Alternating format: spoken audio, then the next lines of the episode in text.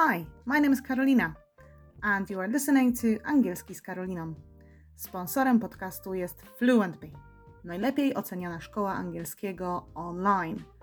Zapraszam do odsłuchania dzisiejszego odcinka.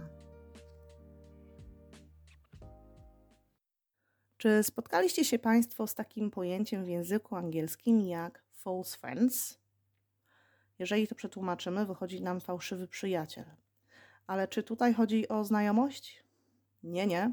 Chodzi tutaj o e, słowa, które na pierwszy rzut oka wyglądają bądź brzmią jak polskie słowa, ale nic bardziej mylnego, mają one zupełnie inne znaczenie po angielsku i możemy zaliczyć wpadkę.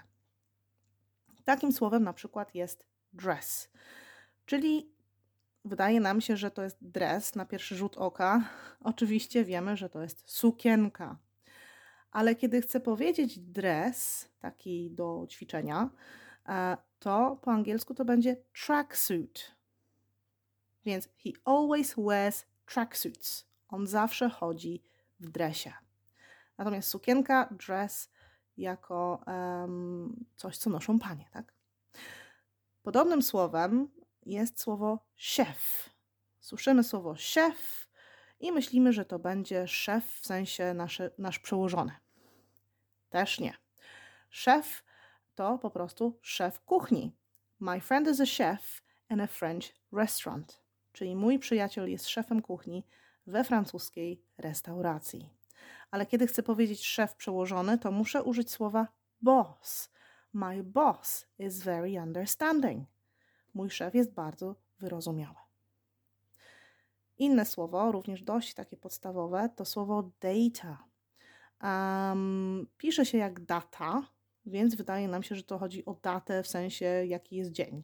Was, um, nic bardziej mylnego, chodzi tutaj o dane. Dane. Mogą to być osobiste bądź dane w sensie do komputera potrzebne, różnego rodzaju dane.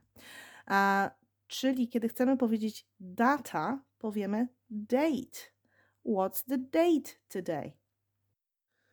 Innym słowem, które dość często mylimy, jest słowo actual.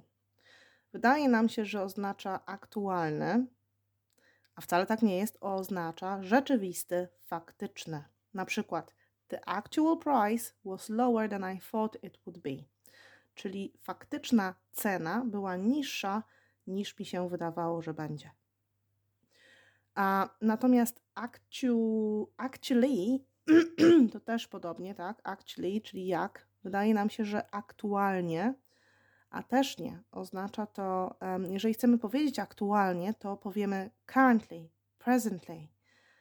Actually oznacza w rzeczywistości właściwie. W rzeczywistości właściwie, actually. Czyli actual, actually to kolejne słowa, które nam się mylą. Um, więc jeżeli chcę powiedzieć, aktualnie szukam now, nowej pracy, powiem currently I'm looking for a new job, bądź presently I'm looking for a new job. Podobnym słowem, które również nam się myli, to słowo eventually. Eventually.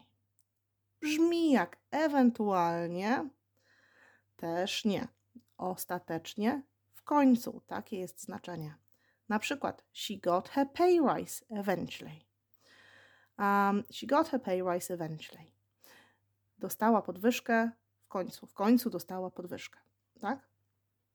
Ale jeżeli chcę użyć słowa ewentualnie po polsku, to lepszym słowem będzie słowo alternatively. Alternatively.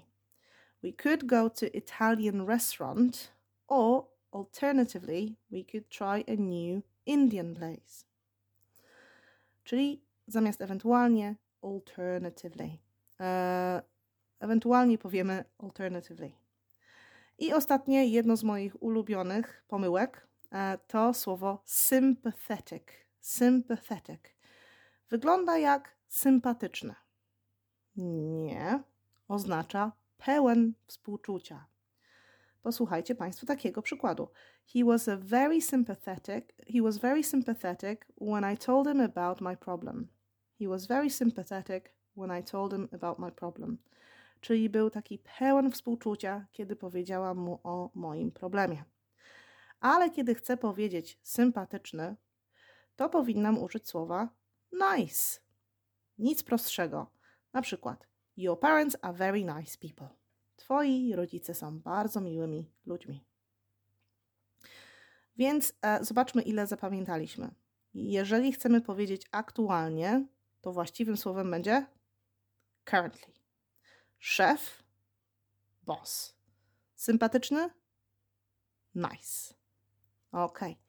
Więc moją radą dla Państwa jest, kiedy widzicie polskie słowo, kiedy widzicie Państwo słowo, które brzmi jak polskie, warto zajrzeć do słownika i sprawdzić faktyczne, a, faktyczne znaczenie, bo może to jest jeden z naszych false friends.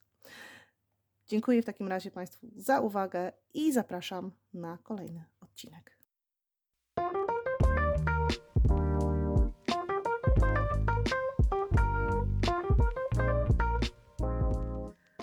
Hi, my name is Carolina and you are listening to Angielski z Karoliną. Sponsorem podcastu jest FluentBee, najlepiej oceniana szkoła angielskiego online –